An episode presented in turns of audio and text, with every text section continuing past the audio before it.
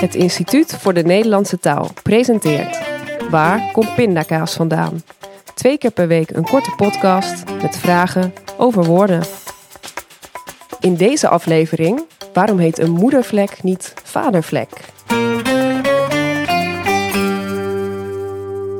Iedereen heeft ze, moedervlekken. Van die donkere pigmentvlekken op je huid. Maar waarom zijn die ooit zo genoemd?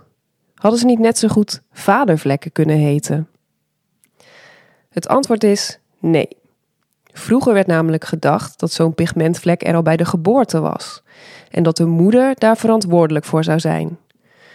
Volgens een bepaald volksgeloof zou de moeder in kwestie tijdens de zwangerschap hebben toegegeven aan zwangerschapslusten. Dat is het eten en drinken van dingen waar je normaal gezien geen, of in ieder geval een stuk minder, trek in hebt. Dus vaak ongezond voedsel met veel suiker en vet of gekke combinaties. Denk aan het bekende cliché augurken met slagroom. Sommige vrouwen hebben tijdens hun zwangerschap zelfs trek in niet eetbare dingen, zoals krijt, aarde of papier. Maar goed, dat is een ander verhaal. Moedervlekken zouden volgens het volksgeloof dus de schuld van de moeder zijn. Vandaar dat de vlek moedervlek heet en niet vadervlek. Gelukkig weten we dankzij de medische wetenschap inmiddels wel beter. De pigmentvlekken zijn er niet al bij de geboorte, maar ontstaan in de eerste levensjaren.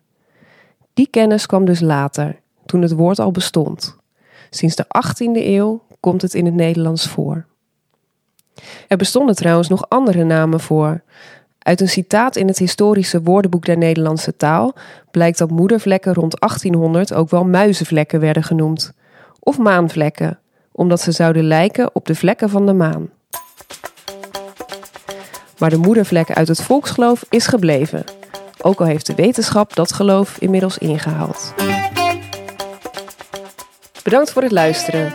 Mijn naam is Laura van Eerten. Waar komt pindakaas vandaan is een podcast van het Instituut voor de Nederlandse Taal, gemaakt door Caspar Stalenhoef en mijzelf. De muziek is van Michel van der Zanden. Deze podcast is geïnspireerd op het gelijknamige boek, gemaakt in samenwerking met het genootschap Onze Taal. Wil je meer antwoorden op vragen over woorden? Bestel dan in de webwinkel van Onze Taal het boek Waar komt suikerspin vandaan? Meer over woorden vind je natuurlijk ook op de website van het Instituut voor de Nederlandse Taal, ivdnt.org.